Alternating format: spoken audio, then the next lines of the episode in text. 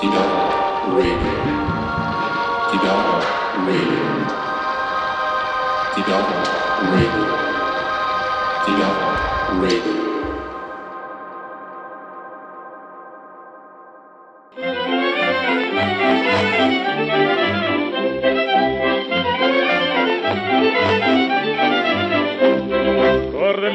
Logadito, Logadito,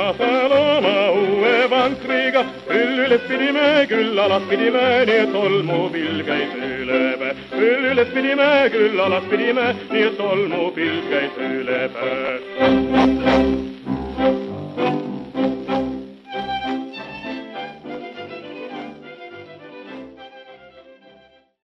Tervist, tere kuulama Tasku Vikerkaart, mina olen Arvo Velmet ja Tasku Vikerkaare saade on täna natukene eriline, sest et salvestame seda laivis Fotograafiska kohvikus. aitäh Fotograafiskale toetuse eest. meie juulinumber pealkirjaga Maha liberalism on äh, minu meelest üks tugevamaid numbreid väga pika aja jooksul ja täna räägime ühest tugevamast artiklist selles numbris, mille autoriks on äh, Gustav Kalm, tere Gustav! tere ja tere kõigile! Äh, sinul on ka väga provokatiivne pealkiri äh, artiklil Liberalismi vastu. Äh, ma tahaks natukene laiendada mõlemit sõna selles pealkirjas. alustame võib-olla sellest liberalismist, et kuidas sa mõistad seda liberalismi, mille vastu sa oled, see on hästi selline ähmane termin, kuidas, millest sina räägid täpselt selles artiklis mm? -hmm selle sõnaga liberalism jah, võib-olla alustuseks ongi suur raskus selles, et see võib nii paljusid erinevaid asju tähendada ja see on ajas igasuguseid erinevaid asju tähendanud ja see on erinevates kohtades erinevaid asju tähendanud.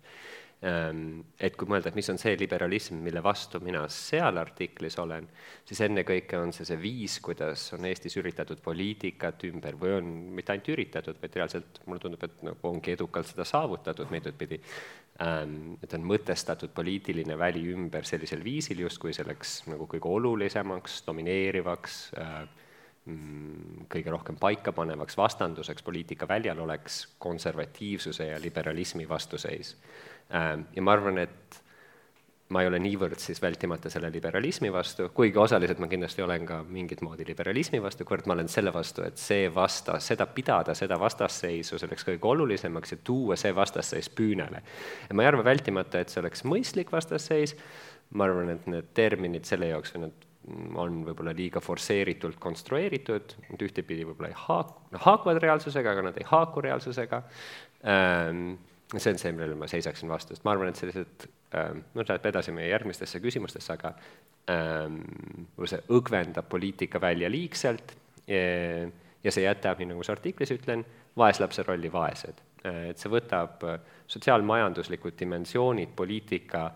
peaküsimuste seast välja ja seab esile sellised moraali ja ähm, tõekspidamiste küsimused üsna kitsas ringis küsimustes no nagu millised moraali tõekspidamiste küsimused, too paar, paar näidet siin äkki. jaa, no selles mõttes, et, et Eestis, eks ju, see vastandus tuli esiplaanile äh, aastatel kaks tuhat neliteist, kaks tuhat viisteist ennekõike, kuigi selle juured on võib-olla sügavamal, ja see algas ennekõike äh, siis selle rändelainega, mis oli Euroopas kahe tuhande kümnendate keskel äh,, ja siis teiselt poolt äh, kooseluseaduse ümber ja kuigi noh, ilmselgelt nagu Eesti riigis saaks teha märksa rohkem, et samasooliste paaride elu äh, jaoks luua võrdseid võimalusi heteroseksuaalsete paaridega ja LGBT pluss inimestele õiguste kaitseks saaks teha märkimisväärselt rohkem, on väga tervitatav, et lõpuks kooseluseadus vastu on võetud, aga ütleme, et selle küsimuse ümber nagu lahti läinud see moraali paanika, võib öelda mingit pidi, nii konservatiivsel teljel, aga siis ka sinna vastu nagu selline ümberorganiseerumine on teinud selle, et võib-olla poliitika vasakserv on jäänud kuskil põidi justkui nagu tühjaks oma ideedest või et ma et tundub, et muid küsimusi Eestis nagu ei olegi peale abieluvõrdsuse? peaaegu jah, või, või siis nagu teisipidi ma ütleks sellega, et nagu, et nüüd, kui abieluvõrdsus on saavutatud, siis nii palju, kui vaadata seda, mis muudes riikides, noh, täiel määral veel ei ole, eks ju, aga noh, idees on saavutatud, et kui vaadata, mis mujal Euroopas äh, toimus, ja minu arust seda on Eesti ajakirjanduses korduvalt öeldud, et et äh, pärast seda, kui see on saavutatud, siis tihti see küsimus nagu kaob mingit pidi areenilt, eks, et, et need konservatiivsed jõud või nagu need moraalikonservatiivid või mingisugused jõud, kes nagu alguses seisavad hirmsalt selle vastu, et samasoolistele paaridele võimalus abielluda luua, ähm, siis tihti nad nagu mõne aasta, ehkki nad kindlasti tuututavad edasi, aga valdavalt see küsimus nagu kaob suurelt areenilt ära, et ma just mõtlen, Prantsusmaa on võib-olla hea näide sellest, eks, et kus meeletud konservatiivsed meeleavaldused olid siis, kui see kaks tuhat kuusteist vist, kui see äh, samasooliste paaride abiellumise õigus seadusesse sisse kirjutati. Ja siis Versailles ja teistes sellistes konservatiivsetes rikastes parempoolsetes Pariisi eeslinnades toimusid suured marsid ja siis kaks aastat hiljem on see küsimus põhimõtteliselt unustatud. ja siis tihti leiab nagu võib-olla siis mõnevõrra üllatuslikult, arvestades seda, mis kaks tuhat kuusteist juhtus, leiab nende paremäärmuslike erakondade valimisprogramm nagu nendest nimekirjadest ohtralt inimesi, kes ennast avalikult äh, kas nagu siis homodeks või lesbideks nimetavad. et selles mõttes see küsimus kuidagi noh, ma loodan ka, et, et see Eestis juhtub ka, et see kaob nagu võib-olla siis nagu selle võrra, noh et see konkreetne, ilmselgelt on nagu palju teisi küsimusi, mis puudutavad seda, kuidas LGBT pluss inimestel on nagu õigused viletsamini tagatud. aga ma arvan, et see ei ole isegi küsimus nii väga see, et see konkreetne või teine konkreetne, äh, et see vaesustumine on võib-olla, kus see üllatavalt on toimunud, on see, et just sealt poliitika vasakult servalt, et et kui vaadata, et kuidas nagu kümmekond aastat tagasi, eks ju, eriti Ehm, selle kahe tuhande kuuenda või vabandust, kaks tuhat kaheksa majanduskriisi järel, kuidas Eestis kirjutati nagu hulgaliselt neid erinevaid mm, humanitaaride hartasid ja asju, mis läksid, mis äh, kritiseerisid seda neoliberaalset ainumõtet ja mis seisid selle eest, et tuleks mõelda rohkem sotsiaalsele õiglusele. Mm,, siis kuidas peenhäälestamise vastu ja poliitikast väljumise poliitika ja just, kõik just, sellised artiklid. just, aga et kuidas siis nagu mm, need inimesed, kes võib-olla ennem sellistele asjadele alla kirjutasid, nüüd plaksutasid justkui käsi kokku, kiites seda, et meil on liberaalsete jõudude valitsus äh,, mis siis ühe esimese reformina otsustas sisse viia maksureformid, millega nagu tehti korralik kingitus jõukamale keskklassile, inimestele, kes paiknevad sissetuleku kaheksandas üheksandas detsiilis, ja siis lasti see kinni maksta madalama sissetulekuga inimestel, kes ei võitnud sellest maksuküüru kaotamisest ja kes vastupidi, hakkavad nüüd maksma nii seda kõrgendatud käibemaksu kui automaksu kui teisi makse, seega tehti nagu selline, see, mis toimus võib-olla mm, Lääne-Euroopas, sest noh, Ida-Euroopas ei saa seda nii selgelt mõelda, selles mõttes, et pärast nagu, kui see neoliberalism tuli, siis see järgnes kohe sotsialismi režiimidele, eks, et seal ähm, Lääne-Euroopas oli võib-olla see, kus oli selline riigikesksem kapitalism äh, sõjajärgsetel kümnenditel, mis siis seitsmekümnendatel, kaheksakümnendatel nihutati neoliberalismi, mis käis väga suurte maksureformidega, eks, et kus nagu varasemad kõige kõrgemad tulumaksumäärad, mis pärast sõda olid kohati kaheksakümmend, üheksakümmend protsenti, kuidas need tõmmati vähehaaval tagasi, kapitalimakse vähendati, käibemaksu kasvatati, kuidas see maksukoorem nihutati ümber nõnda, et jõukam ühiskonnakiht oli vähem maksustatud ja vaesemad olid tugevamini maksustatud. et noh, et Eestis on, selles mõttes, et see, ka Eestis on vähehaaval nihutatud maksukoormat tugevamini vaesematele ja seda on vähehaaval õgvendatud rikastelt taasiseseisvumisest saati et isegi see ühetaoline käibemaksusüsteem, eks, et see algas kahekümne kuue protsendise käibemaksuga ajal, kui, või fui, tulumaksuga, ajal, kui käibemaks oli kaheksateist protsenti ja sinna lisaks veel see, et nagu näiteks üheksakümnendatel, eks oli inimestel hull kartus selle üle, et milline, milliseks kujuneb maamaks ja mingid asjad. Äh, minu meelest päris hea näide, mida sa oma artiklis tood, mis illustreerib seda, kuidas see termini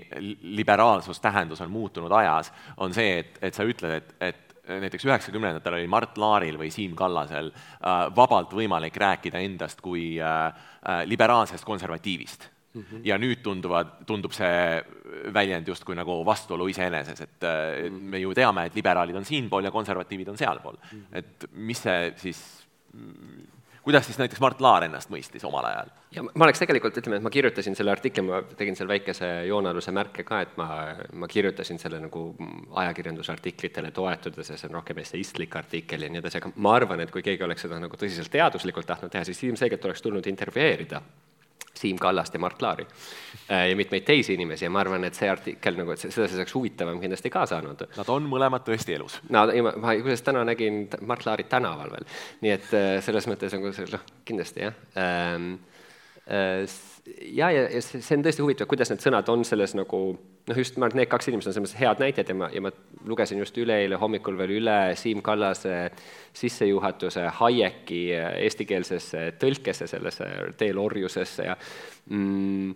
ma arvan, et jah, nendes, noh muidugi võib öelda seda, et nagu paljud sellised klassikalised neoliberaalsed mõtlejad olid ka mitutpidi moraalikonservatiivid, et see käib nii Hayeki kohta kui Misesi kohta ja kindlasti sealt leiaks jällegi teisi, kes võib-olla äh, olid võib-olla ka nagu niisugused, ütleme, moraaliküsimustes niisugused liberaalsemad või libertaarsemad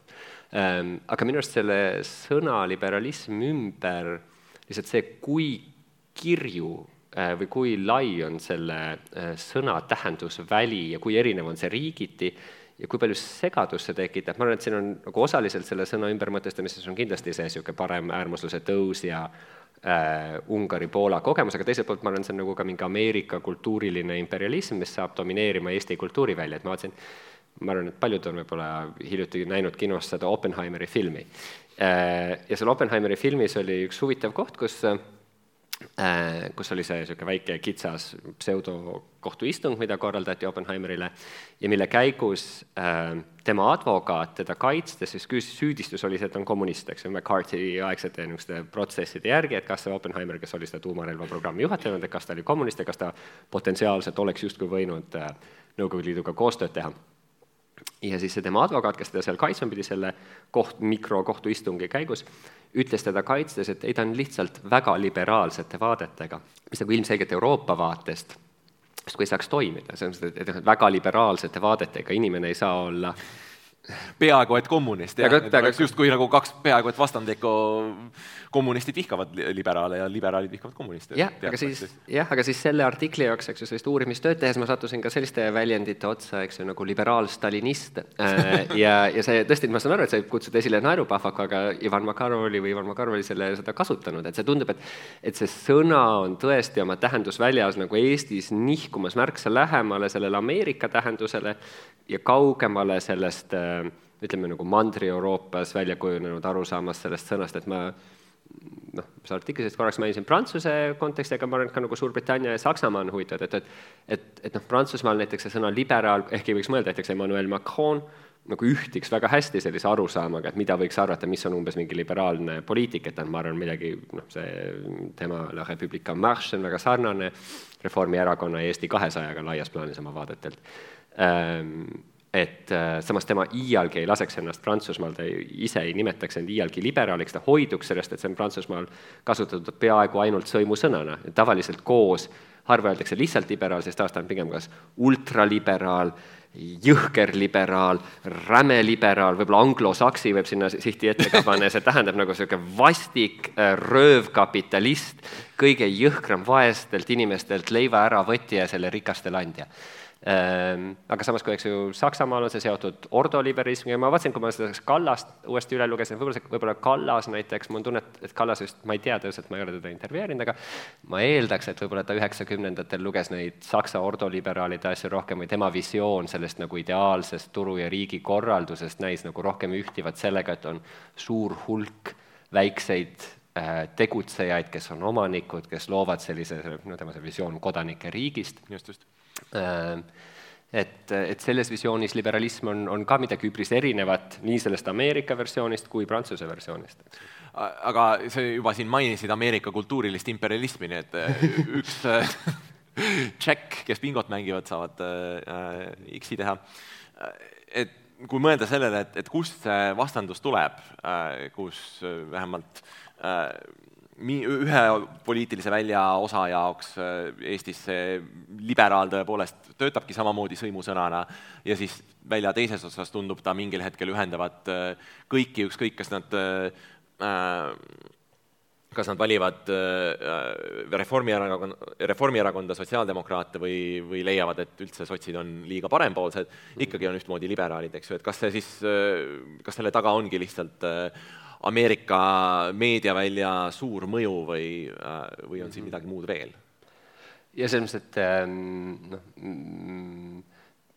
minu võimuses ei ole uurida, et, et mis on olnud mingisugused hallid jõud kuskil taga või et, et, et aga sa saad vastutustundetult spekuleerida ähm, ei, aga, aga noh, kindlasti on märgatav, eks ju, see, et, et on nagu teatavate ühiskondade vahel on teatavad sarnasused, eks ju, ja kindlasti see mm, säärane poliitika ümbermõtestamine nüüd sellel veidi vähem kui kümnel aastal Eestis on, on meid kindlasti viinud nagu poliitilises nagu mõttes võib-olla lähedasemaks, ma ei arva, et Ungariga, aga rohkem võib-olla Poolaga. et see Poola poliitiline jaotus Mm, tundub, et on sellistel alustel, et seal nagu vasakpoolsetel jõududel ei ole justkui kohta, eks ju, et see vendade Kaczynskite esindatud äh, õigus ja õiglus, kui ma õigesti mäletan selle nimi ähm,, ta esi-, ta on justkui nagu segu Keskerakonnast ja Isamaast, et seal on ühtepidi niisugune nagu hästi tugev natsionalism, teisipidi on sotsiaaltoetused äh,, ennekõike maapiirkondades mahajäänutele, väga tugev katoliiklus ja siis niisugune narriv, halvaks panev suhtumine vähemustesse igasugustesse ja hästi tugev russofoobia sinna juurde. Ähm, ja siis teisel pool vastu on, on lihtsalt midagi sellist nagu see ähm, tsiviilplatvorm või kodanike platvorm, midagi rohkem Reformierakonna ja Eesti kahesaja moodi. aga siis kedagi, kes tõeliselt lihtsalt seisaks, ütleme, klassikaliste vasakpoolsete ideede eest, peaaegu et ei olegi ja Seimis vahe, vasakpoolseid erakondi vahepeal ei olnudki ähm,. et äh, et ma arvan, et, et nüüd öelda, kes ja kus seda tõmmanud on, ma seal artiklis ähm, räägin sellest, kuidas võib-olla noh, kuidas Eestis, Eesti poliitväli on tõsi, et, et EKRE seadis selle nagu poliitikasse tulles algusest peale oma missiooniks, et ma saan aru, et EKRE asutamise kongressil kaks tuhat kaksteist öeldi äh, otsesõnu ähm,, et Eesti senine, ja mulle tuli see mõnevõrra üllatusena öeldes, kui ma selle leidsin, et nad seda nii otsesõnu olid kaks tuhat kaksteist öelnud, et Eesti poliitika senine häda on see, et et meil on olemas justkui vasak ja justkui parempoolsed ja meil on justkui Savisaar ja meil on Ansip ja ähm, aga tegelikult kogu Eesti poliitika on kaldu liberaalsesse serva ja meil on puudu konservatiividest, mis, mis ma kujutan ette, et kui nad seda kaks tuhat kaksteist niimoodi ütlesid, siis see ei mõjunud, või noh, ma kujutan ette, näiteks mingid Isamaa poliitikud, kes seda toona nõnda lugesid, see võis neile üllatuslikult mõjuda, ma eeldan. Äh, aga ometi EKRE ütles seda kaks tuhat kaksteist niimoodi, ja siis võib-olla need äh, võtmesündmused neliteist, viisteist nagu osadele inimestele kinnitasid seda nende diagnoosi. ja ma siis ma arvan, et nagu suur panus on tegelikult olnud ja nüüd, kui otsida, et kus tõesti on nagu tehtud tööd, selles mõttes, et ega siis mõisted teevad ise tööd, aga inimesed teevad tööd selleks, et mingid mõisted kinnituksid. Ähm, ja kus on tõsiselt tehtud tööd, mul on tunne selle mõistestiku Eestis kinnitamise ümber, siis see on olnud see nagu laiemalt äh, teaduspesuks äh, tituleeritud Ühiskonnauuringute Instituudi töö oma äh, arvamusküsitluste läbiviimisel ja nende tõlgendamisel, mida ka Postimees on tagant toetanud oma seminaride korraldamisega nende ürituste ümber. Ähm, ja kus siis tõesti, noh, ma ei hakka seda üksipulgi siin saates lahti pakkima, aga igal juhul äh, ma arvan, väga tendentslikult tõlgendatud küsitlustulemuste põhjal on üritatud näidata, et Eesti vaikiv enamus justkui on konservatiivid, kelle vastas on mingid liberaalid, ja seda ideed on just ulatuslikult propageeritud ja mis siis lõpuks võeti omaks terve rea muude inimeste poolt, kes võib-olla ei oleks sellele muidu esialgu isegi sümpaatsed olnud säärasele mõttestikule. ja seda inimeste poolt ka nagu poliitika vasakul serval, ähm, terve rea erinevate politoloogide poolt ja siis selle ümber loodi, eks ju, niisugune institutsionaalne maastik, mida võib-olla omamoodi nagu võtab hästi kokku Postimehe portaalis loodud äh, telesaade äh, Lobjakas versus Vooglaid. et kus leiti justkui nagu selle kummagi serva kajastamiseks mingid inimesed reljeefse väljendusega ja kes saaksid seda Äh, nagu sellisel moel äh, avalikkusele sööta. et ma arvan, et seda tööd selle nimel on tehtud, see on selge, ma ei, mulle tunduks, noh, ma hästi ei usu, et, et kuskilt mingid nagu äh, suured hallid jõud selle taga on või et kuskil on nagu äh, mingisugune, ma ei tea, kas Ameerika, Poola, Venemaa, ükskõik kuskilt mingisugune kapitalisüst, kes tahab nagu, et Eestis tõesti see poliitmaastik selliste sõnade järgi ümber mõeldakse, kes on rahastanud sedalaadi uurimisprojekte, aga ma ei tea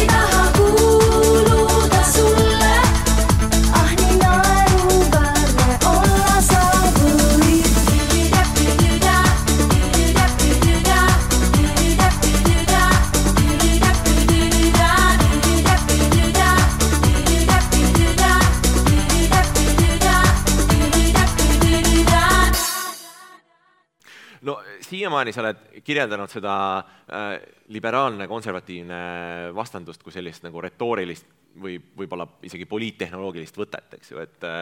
et see äh, lahterdab Eesti inimesed äh, või nende poliitilised valikud justkui sinna kahte kategooriasse ja tegelikult on veel palju muid asju, mis nii hästi nendesse kahte gruppi ei, ei asetu ja, ja kui need küsimused sind huvitavad, nagu näiteks mingid majanduspoliitilised küsimused või sotsiaaltoetuste küsimused, siis sa nagu ei leia endale hästi seda paati või seda mingit koalitsiooni, kuhu sa saaksid kuuluda. aga äh, kui nagu kaaluda võib-olla ka seda võimalust, et, et võib-olla meil ongi mingisugune põhimõtteline maailmavaateline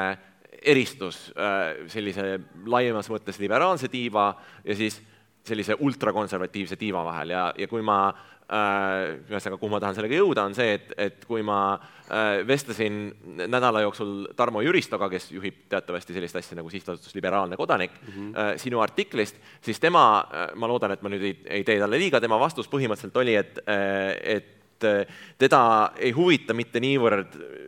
näiteks sellise ideoloogia nagu liberalism defineerimine, vaid tema, teda huvitab see, et meile jääks see kokkuleppeline mängulaud Äh, kus erinevad erakonnad võistlevad maailmavaateliselt samade mängureeglite alusel ja siis üks erakond võib võita ja teine erakond võib kaotada, aga me kõik oleme nõus, et see mänguvali toimib mingite samade reeglite alustel. ja et tema probleem äh, siis selliste paremradikaalsete jõududega nagu EKRE on see, et nemad tahavad selle mängulaua üleüldse uppi lüüa. et see ei ole ikkagi mingisugune retooriline konstruktsioon, vaid see ongi nagu tõeline põhimõtteline erinevus kus nagu ei ole vahet, kas sa oled sotsiaaldemokraat või keskerakondlane või, või reformar, aga sa selles küsimuses oled selles ühes paadis, selles liberaalses paadis, siis ütleme, võib-olla täpsemini liberaaldemokraatlikus õigusriigi paadis mm. -hmm. et äh, kas see ei tundu sulle adekvaatse eristusena? Jaa, ma arvan, et aga see, see vist tuleb nagu välja nendes äh,, sest ma räägin seal artiklis põgusalt ka, need erinevad valijakompassid näiteks, mis on koostatud, kus ka huvitaval kombel sõnal liberaal võib kohati olla mitu tähendust ja see on tõesti, et kui võtta see Eesti poliitikamaastik, jagada justkui neile liberaalne ja illiberaalne servadesse, kus selle illiberaalse all tihti mõeldakse, ma täpselt ei tea, kus see sõna pärit on, aga vist Farid Zakaria mingitest nagu kahe tuhandendate mingite poliitikakommentaaridest, kus oli juttu sellest, kuidas nagu on järsku illiberaalse demokraatia tõus mingites riikides. no Orban ise nimetab ennast ju ka illiberaalseks demokraatiaks, et ta on demokraatia poolt, aga, aga just sellise väärtusliberalismi vastu mm. -hmm. aga ähm, jah, ja sellise jaotuse saab selgelt teha, aga, aga kui see oleks kogu poliitika nagu maastiku jaotus, siis nagu oleks ainult ühes servas EKRE ja kogu ülejäänud Eesti nagu erakonnad selles teises servas, et et ilmselgelt nagu selle baasil see ei ütle meile lõpuks kuigi palju sellest, mis on kogu see laiem poliitikaväli, et ilmselgelt see on oluline vastandus. ja, ja, ja, ja tundub tõesti, et need paremäärmuslikud nagu erakonnad mitmel poole mm, Ida-Euroopas, aga võib-olla ka Lääne-Euroopas mm,, võib-olla isegi rohkem kohad, no sõltub, ütleme Euroopas kõikjal, nad ähm, mm, kas tegudes või vähemalt retooriliselt lubavad tihti mingeid õigusriigi äh, talasid rammutada, see on tõsi. aga, aga ütleme, et see mm, kaalukauss on siis nõnda, et sellel võrdlusel jäävad nemad justkui üksi sinna serva ja teised on kuskil mujal, et seal ei ole, seal ei ole tihti väga suurt spektrit et see, seal ei ole niimoodi, et justkui siis selle nagu, et et, et meil oleks nagu erakonnad, kes ütlevad, et oo, et me sellest õigusriigist võtaks nii, noh, nii, nii palju või naa palju või ähm, et mul on tunne, et ja siis sellele kogu seda poliitika välja taandada, väga vilets, sellepärast et siis see on esiteks, siis seda saab määrama justkui ühelt poolt ainult siis nemad, kes, kes on selle, need lammutajad ja kõik teised peavad siis vastu ütlema oi-oi-oi, hakategi jälle lammutama oi,, oi-oi-oi veel ja seda. tõestama, et meie ikkagi ei lammuta ja. jah, ja lõpuks see pisendab, sellepärast et kui poliitikast arutamine tõesti ainult sellele taandub, siis kõige olulisemad distributiivsed küsimused jäävad tähelepanuta. et kes siis räägib maapiirkondade mahajäämusest, kes räägib nagu noh, võib-olla on, ma arvan jah, et, et see selline, ütleme, see valdav narratiiv sellest äh, mm, äh, paremäärmusluse tõusust, mis justkui ütleb, et see on lihtsalt äh,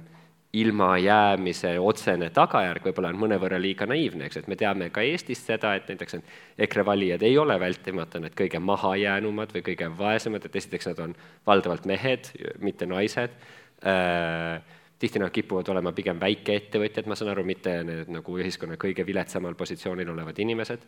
äh,. et mm, taandada seda lihtsalt sellele mahajäämusele oleks, oleks liiga lihtne ähm,, aga võib-olla sellistele mõtetele sellest, et mida inimesed tajuvad suhtelise mahajäämusena ja võib-olla sellele, et, et, et tuua siis tõeliselt äh, poliitikasse sisse see palju rikkalikum dimensioonide arv oleks oluline. et, et kui see vastandus, nagu sa ütlesid, et, et, et on olemas tõesti nagu see illiberaalne, liberaalne vastandus, aga see on lihtsalt üks osa mingisugusest laiemast spektrist ja ma arvan, et see on nagu, mul isiklikult see ei tundu poliitikast arutamise juures Eestis või, või mujal Euroopas mm, kõige huvitavam või, või keskne vastandus. nojah, et, et võib-olla võib mõelda sellest nii, et, et EKRE-l on praegu parlamendis circa kakskümmend kohta, äh, selle valitsustsükli jooksul nad äh, valitsust ei moodusta, see lihtsalt matemaatiliselt äh, ei mängi välja, et äh, iseenesest see oht, et nüüd lähiaastatel EKRE saab nii head äh, kohad endale valitsuses, et ta saabki tõsiselt seda õigusriiki lammutama hakata, võib-olla ei ole kõige akuutsem probleem, eks ju, et võib-olla maapiirkondade mahajäämus või, või kas või Ukraina põgene-, põgenike integreerimine on võib-olla olulisemad teemad, millest rääkida. aga teistpidi jällegi, et kui nüüd mõelda, et kuidas siis rääkida nendest teistest teemadest, nendest sotsiaalmajanduslikest teemadest kuidagi laiemalt äh,,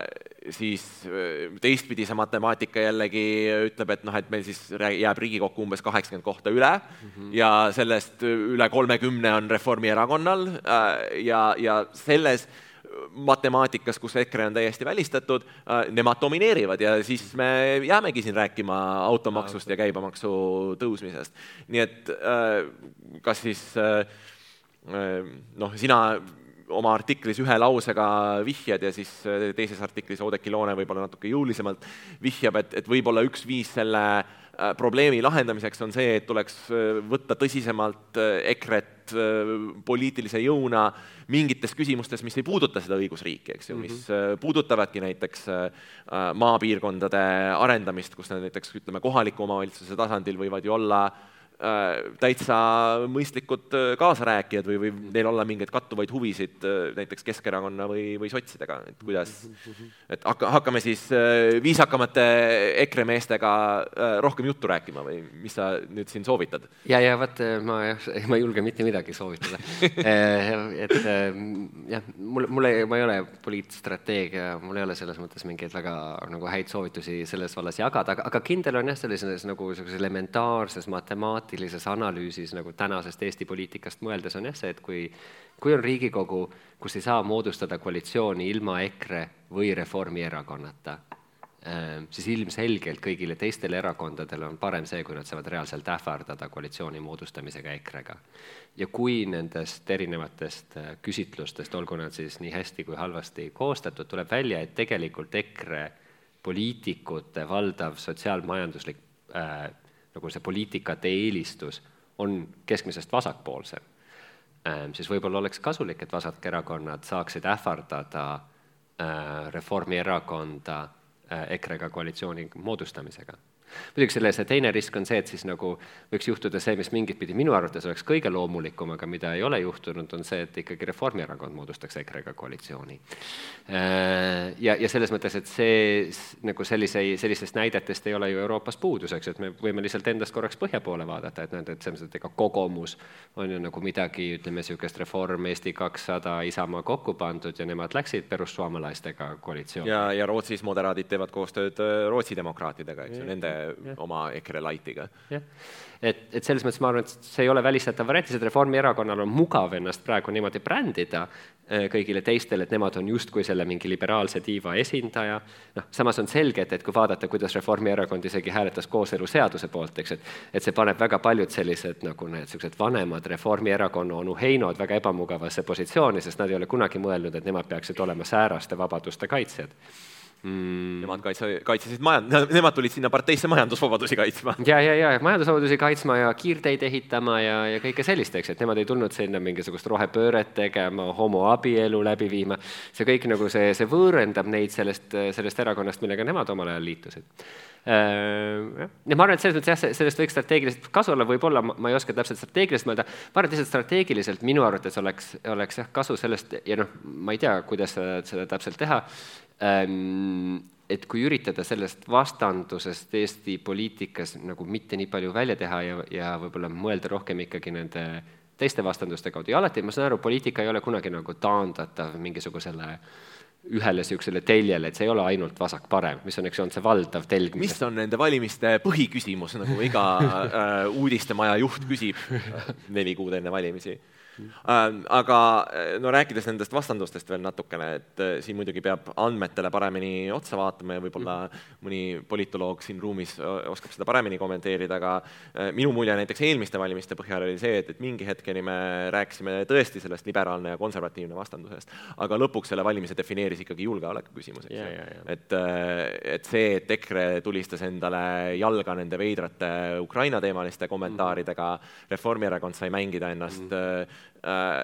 tohutu äh, pronkssõduri teisaldajaks. mis? pronkssõduri teisaldajaks. ja pronkssõduri teisaldajaks, täpselt jah, Narva tanki teisaldajaks ja nii edasi ja nii edasi. Äh, et ma kujutan ette, et väga paljudele inimestele oleks see ja, ja Keskerakond, eks ju, sisemiselt lõhestus ja kaotas terve hulga hääli ka Narvas Mihhail Stalnuhhinile ja, ja Koosile, et, et, et see tegelikult mängis sama suurt rolli ja, ja, ja ilma seda konkreetset lõhet ületamata on ka keeruline ette kujutada mingisugust äh, vasakjõudude koalitsiooni, olgu see EKRE-ga või ilma EKRE-ta, lihtsalt mm. sellepärast, et Keskerakond ei saa ennast kokku võetud mm. -hmm ja ilmselgelt, noh, minu arust okei okay,, see, see läheb kokku nende Tõnis Saartsi pikaaegsete analüüsidega, eks, et kas mõelda sellest äh, kaitsedemokraatiast ja ma arvan, et see on selge, et, et, et Reformierakonnal on õnnestunud äh, Eesti poliitikat pikka aega niimoodi mängida ja ma mõtlen, et see tuli ju nagu äh, see pronksi sündmuste kaudu, see tuli ka mõnevõrra nagu üllatuslikult, et Reformierakond toona suutis siis nagu Isamaalt röövida selle ultrapatriootliku positsiooni, mida neil tõenäoliselt nagu üheksakümnendatel sellisel viisil ei olnud, kus neid nähti rohkem selliste ähm, nagu kes inimestena, kes muutusid endistest äh, aparaatšikutest äh, järsku neoliberaalsete reformide äh, elluviijateks. Ähm, Äh, jah, see on, see on, ütleme, see on nagu nende selline, kuidas öelda, nagu kommunikatiivne tugevus, et võib-olla kui Eestis oli mingi hetk, kus tundus, et sellised äh, sotsiaalmajanduslikud küsimused mõnevõrra pääsesid püünele, siis see oli, eks ju, kahe tuhande kümnendate alguses või noh, circa kaks tuhat kümme, kui selle majanduskriisi järel lainetena ähm, olid distributiivsed küsimused rohkem päevaplaanil. mulle lihtsalt tundub, et kui ma, ma arvan, et nagu paljud kui, kui näiteks olid Eestis streigid, eks ju, õpetajate streik ja arstide streik. jah jah, aga samas ja, ja samas ma, ma saan aru, et Eestis võib-olla ülikoolides taaskord nagu ametiühingu liikumine on, eks ju, jõudu kogumas, aga Päevalehes oli paar nädalat tagasi artikkel, et ametiühingu liikmete arv Eestis, ma ei mäleta nüüd täpselt seda perioodi, aga on vähenenud viiekümne protsendi võrra. ja kui raske on tegelikult noori inimesi ametiühingutesse saada, et see näitab seda, et ütleme, nagu sellises nagu hästi klassikalises poliitökonoomilises küsimuses, et kus on kapitali tööjaotus uue tekkinud rikkuse puhul, siis Eesti see institutsionaalne eeldus selleks, et see läheks rohkem töö ja vähem kapitali poole, on tegelikult väga nõrk, ainus asi, mis selle kasuks räägib, on see, et meil on lihtsalt madal töötus, mis, mis aitab noh, nagu tööl annab läbi, rohkem läbirääkimisjõudu töötajatele.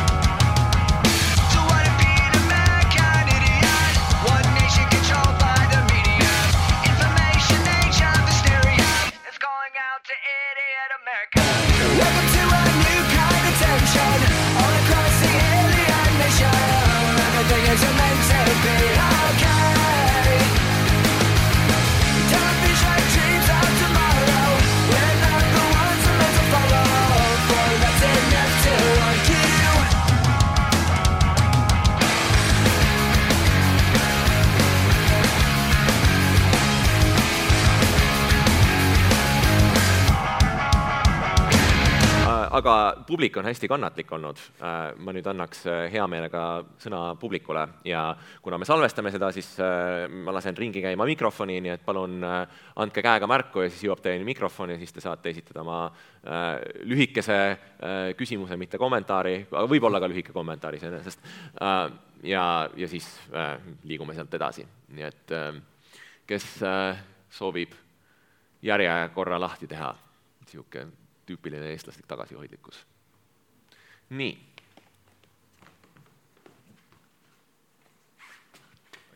aitäh, hästi, see ei ole vist siis, ei ikka on. ühesõnaga hästi huvitav, ma tahtsin küsida, et mis siis ikkagi teha, et kuidas sellest liberast konservatiiv vastandusest lahti saada, eeldusel, et see ei ole kuigi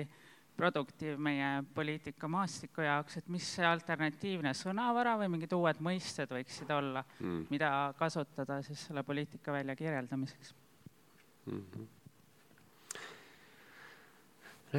Ähm, oleks mul vaid üks kaunis vastus varnast võtta või varrukast võtta või mütsist välja tõsta? Mm,. Mm, ma arvan, et ikkagi sellel nagu parem-vasak äh, vastandusel minu arvates on palju rohkem jõudu kui sellel liberaal-konservatiiv vastandusel, aga tegelikult on võib-olla see vastus, millele mina olen rohkem mõelnud ja mis, kui ma loen tihti, kuidas Eesti ajalehtedes või raadiosaadetes või kirjutatakse või räägitakse erinevatest probleemidest, siis mul on nagu tihti tunne, et see üks koht, kus neid ähm, mm, kus, kus jääb vajaka analüüs tihti, on distributiivne mõju. See on selline hästi poliittehnokraatlik termin sellele, aga, aga kus seda näiteks oli hiljuti, oli, oli näha, kus, eks ju, koalitsioonierakonnad nagu kaalusid neid erinevaid, noh, peenhäälestasid äh, automaksu äh, sisseviimise neid erinevaid vorme ja kus sai valida nagu, et kas eelista, kas, kas me paneme rohkem rõhu nende autode mingi saastavusele, mis tõenäoliselt, eks ju, penaliseerib rohkem maapiirkondade vaesemaid inimesi ja võib-olla aitab niisuguseid Tesla ostnud idumiljonäre kergemalt läbi pääseda, eh, või siis rohkem panustada mingitele, nagu võtta arvesse seda auto, ma ei tea, kui, kui kaua ta on olnud ringluses, mis iganes, aga noh, ühtlasi seal võeti seda distributiivset mõju rohkem arvesse, aga mul on tunne, et neid terve rida reforme pidevalt on, kus peaks seda distributiivset mõju selgemini arutama, võib-olla nagu ajakirjandus minu arvates võiks palju tihedamini võtta ette riigieelarve ükskõik milliste osade ja lihtsalt vaadata seda distributiivset mõju seal. ja kui niimoodi distributiivsest mõjust mõelda erinevate poliitikate puhul, sama võib mõelda tegelikult ka, mis ma seal artiklis tõin välja, ütleme näiteks LGBT pluss küsimused. et, et erinevatel ähm, erinevatel poliitikatel on alati erinevad nagu distributiivsed mõjud, et minu arust oli mm, mis minu jaoks oli huvitav näide olnud, et näiteks Ameerikas ütleme, see LGBT pluss liikumine on tihti seisnud pigem heal järjel homoseksuaalsete meeste õiguste eest ja ei ole võib-olla arvestanud niivõrd ähm, selliste väga haavatavate gruppide huvidega, nagu näiteks äh, potentsiaalselt kodust välja heidetavad äh, LGBT pluss teismelised, kellel võib-olla võiks kohati olla rohkem kasu näiteks üldisest kodutuks jäänud teismelisi toetavast poliitikast, et nad ei peaks langema prostitutsiooni ja mis kõikide muud hädade ohvriks, eks ju, tänavatel elades. Et ma arvan, et see, et mõelda lihtsalt palju tugevamalt selle peale, et ükskõik millistel poliitikatel on alati distributiivne mõju, et osad saavad sellest rohkem kasu, teised vähem, osad peavad neid koormisi rohkem kandma, teised mitte ja see, ja nad kujundavad ümber ühiskonda ja mul on tunne, et sellele ei mõelda piisavalt palju. ükskõik teedeehituse, elektrivõrgu väljaehitamise, ma ei tea, kooliõpikute koostamist, mis iganes küsimuste puhul. jah, aitäh huvitava arutelu eest, et mul just nende ametiühingutest hakkas üks mõte tekkis, et et vist oli see Herbert Markuse, kes ütles, et ametiühingutel kuuekümnendatel, seitsmekümnendatel, et ametiühingu liider kutsus töötajad kokku, leiti probleem ja siis šokeeritult leiti, et kuidagi on need töötajad siis kaasatud sinna korporatiivkultuuri, et nad kuidagi omavahel lahendasid selle ära ja see ametiühing nagu sisuliselt lakkas töötamast, et ei leitud nagu sellist mingit järgmist käiku, et, et see asi on, noh, mis ma tahan öelda, on see, et, et mina just tunnen, et võib-olla nagu see Herbert Markuse ütles jälle, et, et see lääne probleem on vaeshoituse poliitika mm. -hmm. et vastupidi, nagu vist oli Slavoj Žižek ütles, et kui Trump hakkas immigratsiooni teemasid lahendama kuidagi oma otse, otse nagu otsuste, eks ole, ma täpselt ei mäleta, mis asju, aga tema ütles, et see on suurepärane, suurepärane, et siis, kui meil tuleb demokraat võimule, siis me hakkame kliimaasju lahendama nii, nagu neid tuleb lahendada. ehk siis teeme lihtsalt asju ära ja see vaeshoituse ja võib-olla kui öelda noh, radikaalsuse, et see võib-olla on see, mis võiks nagu oluliselt ja suuri probleeme kuidagi ära lahendada, et mm. okei okay,, kui me ütleme, et, et, et noh, see natuke teine teema, et mänguväli võiks jääda samaks, eks ole, aga just see, et mis võib-olla on asi, mida võib-olla EKRE-st võib-olla tasub midagi õppida, eks, on see, et, et on võimalik kuidagi teistmoodi radikaalselt mõelda või nagu selles samas Vikerkaare, eks ole, feministlik perepoliitika, et, et mis asja nagu, et aga tegelikult see on ju tegelikult tehtav ja, ja täiesti nagu adekvaatsed argumendid, eks ole, et minu, minu arust see probleem võiks olla just nagu, et vaeshoi-, see, selle nagu äh, baashoitus versus radikaalne poliitika, eks ole. ja samamoodi see Ukraina teema, et see on ka tegelikult suuresti lääne nagu vae, vae, vaoshoituse probleem, eks ole. et miljon, okei okay,, miljon kui hukkub, siis on halb, eks ole, kaks miljonit, siis on veel halvem aga võib-olla viis miljonit, okei okay,, et siis hakkame võib-olla mingeid lennukeid või andma või, või tõesti nagu päris tuge nagu. et ma ei tea, või võib-olla lihtsalt kommentaariks või et, et kuidas see vaoshoituse radikaalsuse teema nagu võiks, võiks nagu lennata või lahenduseks olla ma, ja ma pakuks hea ühe lühikese vastuse, et võib, võib-olla jah, et kui nagu mm, minu arvates ühed pädevamad analüüsid sellest Eesti niisugusest kohesest nagu Nõukogude järgsest perioodist on olnud Aet Annisti kirjutatud ja kui mõelda näiteks sellele Aet Annisti analüüsides või varases nullindates Eesti äh, keskuskülades äh, toimunud niisugusele äh, sotsiaalsete sidemete vähehaaval laiali lagunemisele, siis tundub, et kui tahta näha midagi positiivset selles EKRE võib-olla tõusus, võib selles näha mingit niisugust nagu mm, inimeste organiseerumise, mitte ainult EKRE-ga, ütleme kogu selle mingi niisuguse ähm, parem tiiva igasuguste uute organisatsioonide kaudu. Äh,, seda, et inimesed on kuidagi võimelised siiski nagu ennast mingit ja igasuguste muude, et tundub, et Eestis nagu viimase kahekümne aasta jooksul võib-olla on saadud mõnevõrra üle sellest meeletust individualismist äh,, mida inimestele nii tugevalt sisse söödeti mm, sellel kohesel Nõukogude järgsel perioodil äh, ja niisugune teatav ühistegevuse ind on tõusmas, mis jubaks, lubaks justkui loota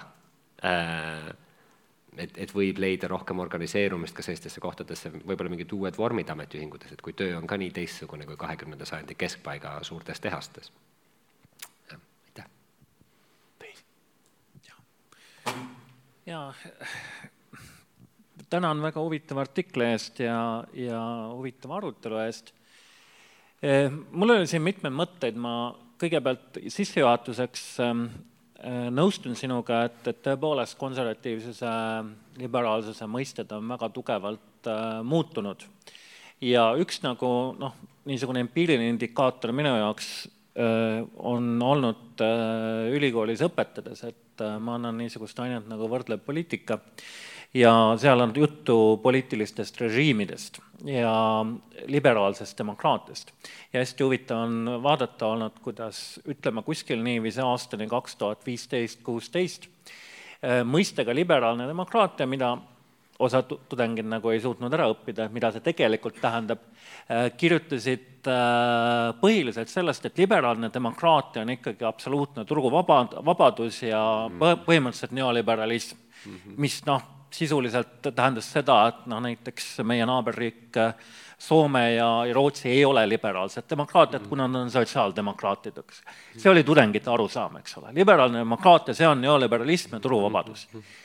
peale seda kaks tuhat viisteist, kuusteist absoluutselt see muutus ja muutus pigem selle väärtuspõhiseks liberaalide, konservatiivide vastasseisuks nii et, et selles mõttes juba vaadates nagu tudengite peades see see, kuidas need mõisted on täiesti radikaalselt muutunud kuskil kahe tuhandete kümnendate aastate keskel, seda on väga selgelt näha. aga mul oleks kommentaar pigem sellel teemal, et äh, jah, mõnes mõttes on see õige, et et see väärtusliberaalsuse, konservatiivsuse vastasseis varjutab ära no niisugused sotsiaalmajanduslikud ja ümberjagamisteemad. aga see ei ole niisama lihtne.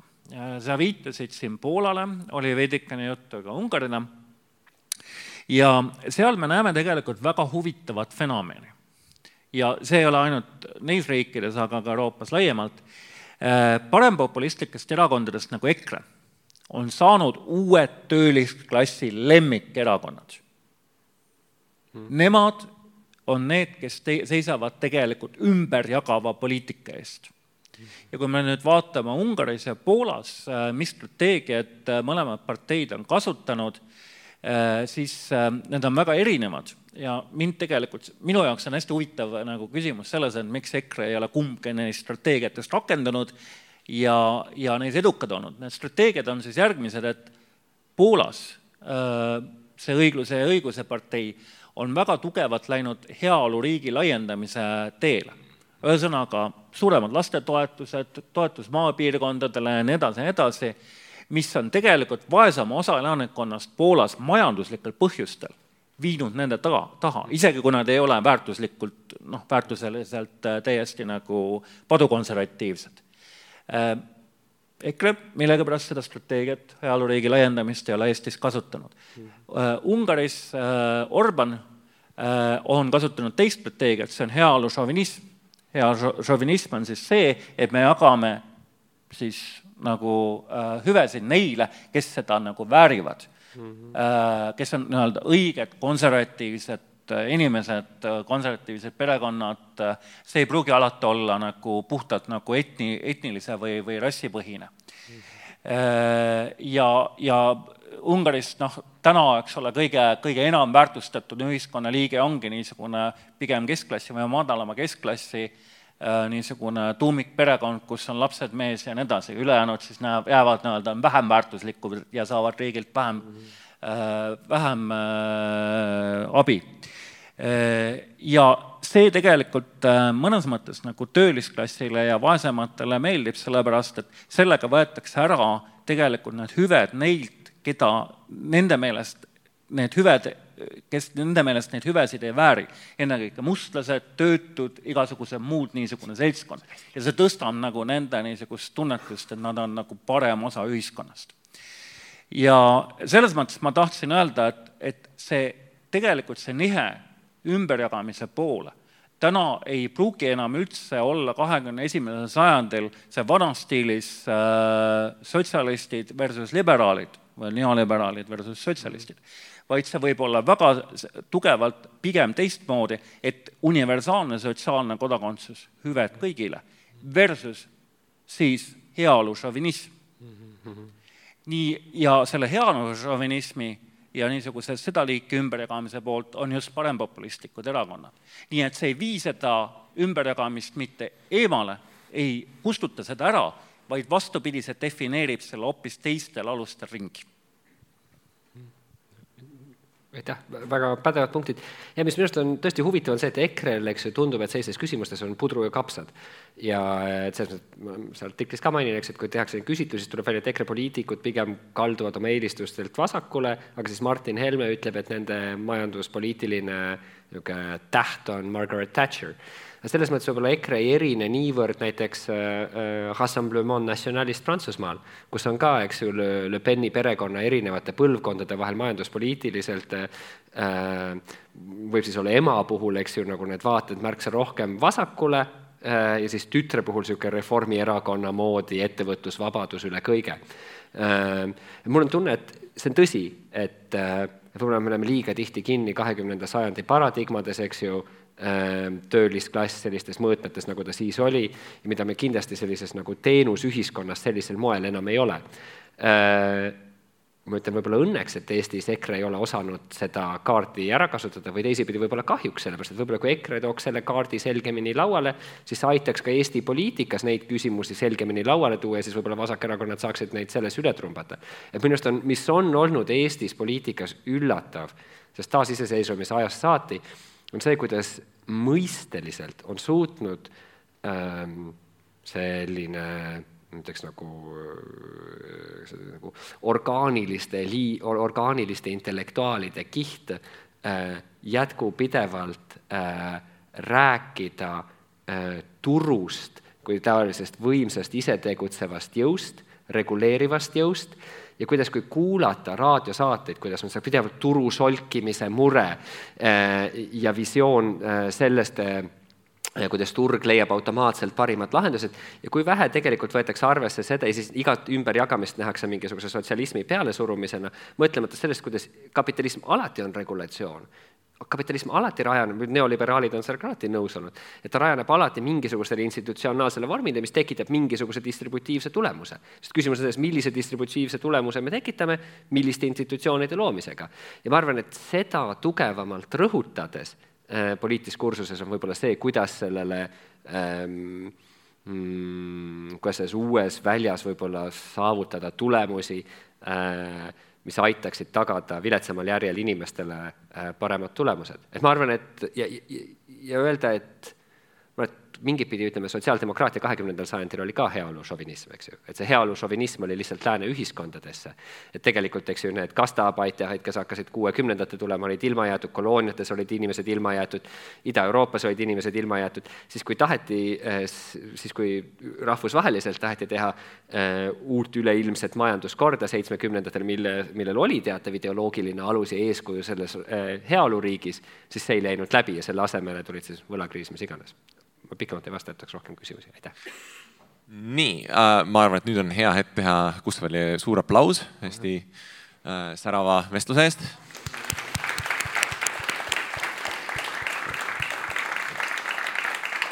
tuletan, tuletan meelde, et äh, saate nimi on Tasku Vikerkaar Ida raadios ja äh, juulikuu Vikerkaart saab äh, poelettidelt ja tellida ja, ja, ja muud taolist. järgmises saates juba järgmised teemad. Mina olin Aro Velmet. Nii, ja nüüd äh, sai saateosa, esimese saateosa sai läbi,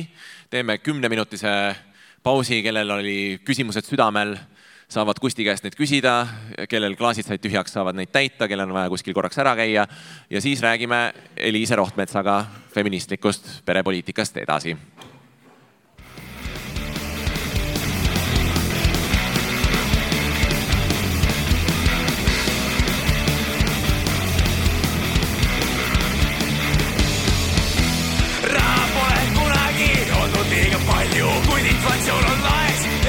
nagu kanju riigipanga ees. nüüd seisan ma